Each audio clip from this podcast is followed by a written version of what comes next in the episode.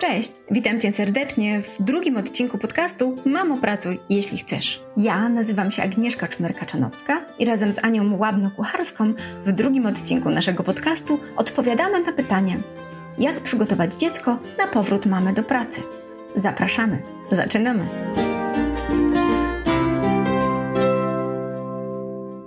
Dzisiaj zajmiemy się dalej, to oczywiście tematem, który nas najbardziej zajmuje, czyli powrotem do pracy mamy.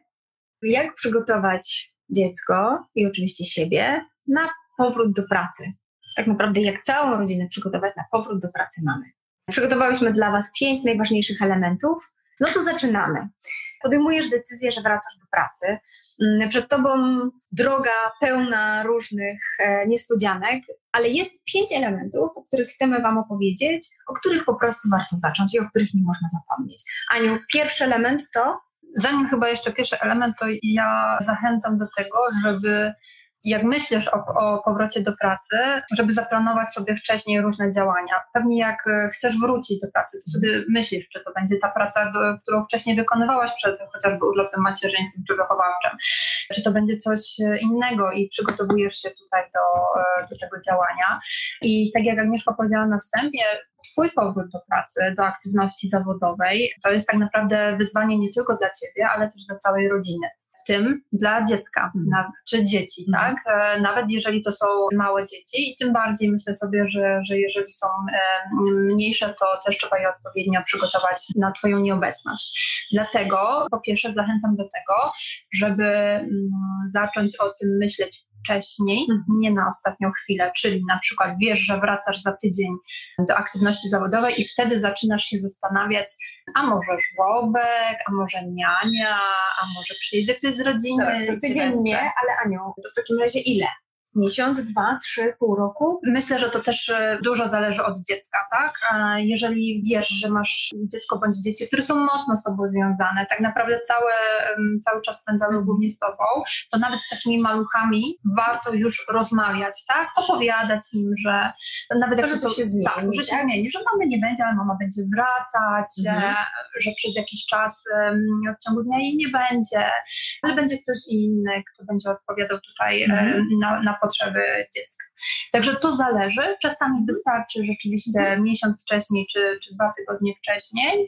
Czasami to jest dłuższy proces i wymaga takiego stopniowego, nie chcę powiedzieć tutaj może odzwyczajania, ale takiego przyzwyczajania dziecka do tego, że mamy na jakiś czas nie ma, ale mamy nie ma, ale mama wraca. Chyba najtrudniejsza jest właśnie ten moment rozłąki i nawet, no nie wiem, no mój syn ma 4 lata i jakby cały czas jest dla niego y, ten moment rozłąki trudny, a potem sobie świetnie radzi. Ale oczywiście ważna, ważna zasada, ja też to wielokrotnie przetestowałam na, na trójce moich dzieci, żeby nie uciekać. W sensie bardzo duża jest pokusa, jeśli dziecko jest zajęte, zabawione, żeby po prostu cichutko wyjść, ale to lepiej tego nie robić. Nawet przerwać tę zabawę, ryzykując um, jakimś takim szlochem, ale żeby mhm. dziecko miało świadomość, że rzeczywiście mama wychodzi, a nie żeby po 15 minutach, czy 10, czy 5 zorientowało się, że mamy nie ma, to na pewno jest o wiele trudniejsze. Mhm. Ja mhm. tak zrobiłam raz za e, namową e, innych mam, które jakby bardziej doświadczone mówiły, że to się sprawdza.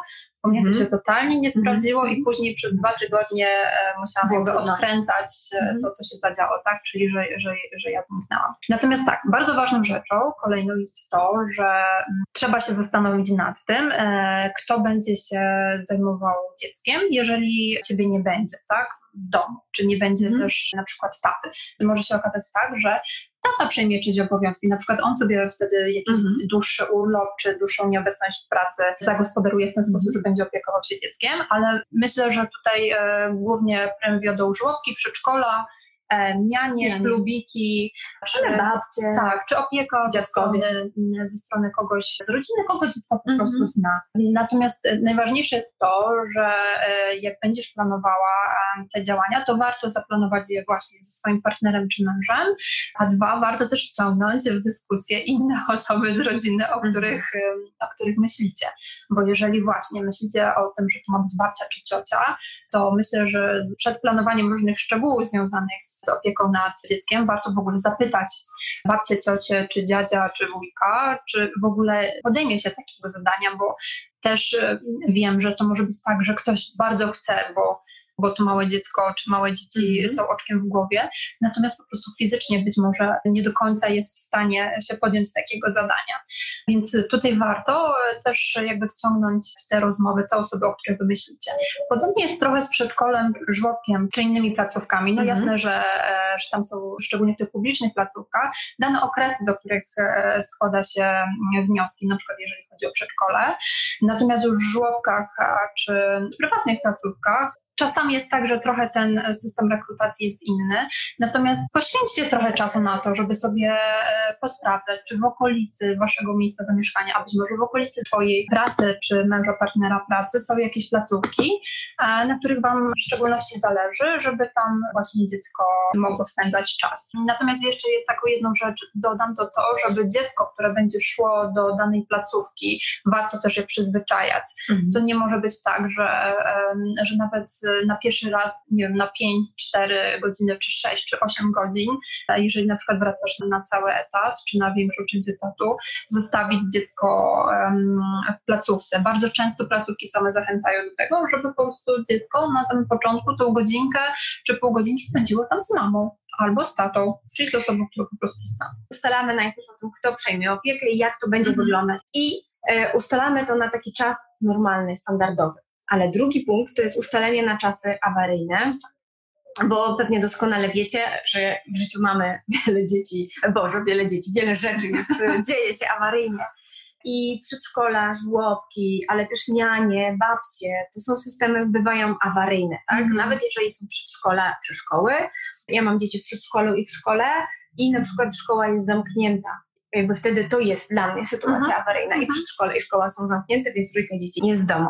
Więc plan awaryjny rozważamy tak, kto może wesprzeć, która babcia, która ciocia, czy tato dziecka może sobie wziąć na przykład wtedy jakiś home office albo mhm. różne inne formy, może po prostu przejąć opiekę, czy też nasz pracodawca ten, do którego wracamy, albo jeżeli idziemy do nowej pracy, to czy on przewiduje jakby jaką procedurę, w mhm. cudzysłowie, przewiduje na ten czas powrotu, bo to, co jest pewne, to naprawdę dzieci chorują, albo przedszkola są zamykane na czas, na czas świąt i po prostu to trzeba opracować z awaryjnych rzeczy, jaką jeszcze podpowiedź? Warto, jeżeli macie już kogoś na taki ten czas awaryjny, tak, że wiecie, że możecie, nie wiem, rano zadzwonić do babci, czy do, mm. do siostry, do cioci, do kogokolwiek i wiecie, że, że tutaj was ktoś wspomoże, to warto się dogadać też z tą osobą, że na przykład jeżeli ona będzie miała jakieś dłuższe nieobecności, na przykład, nie wiem, sanatoria, wakacje,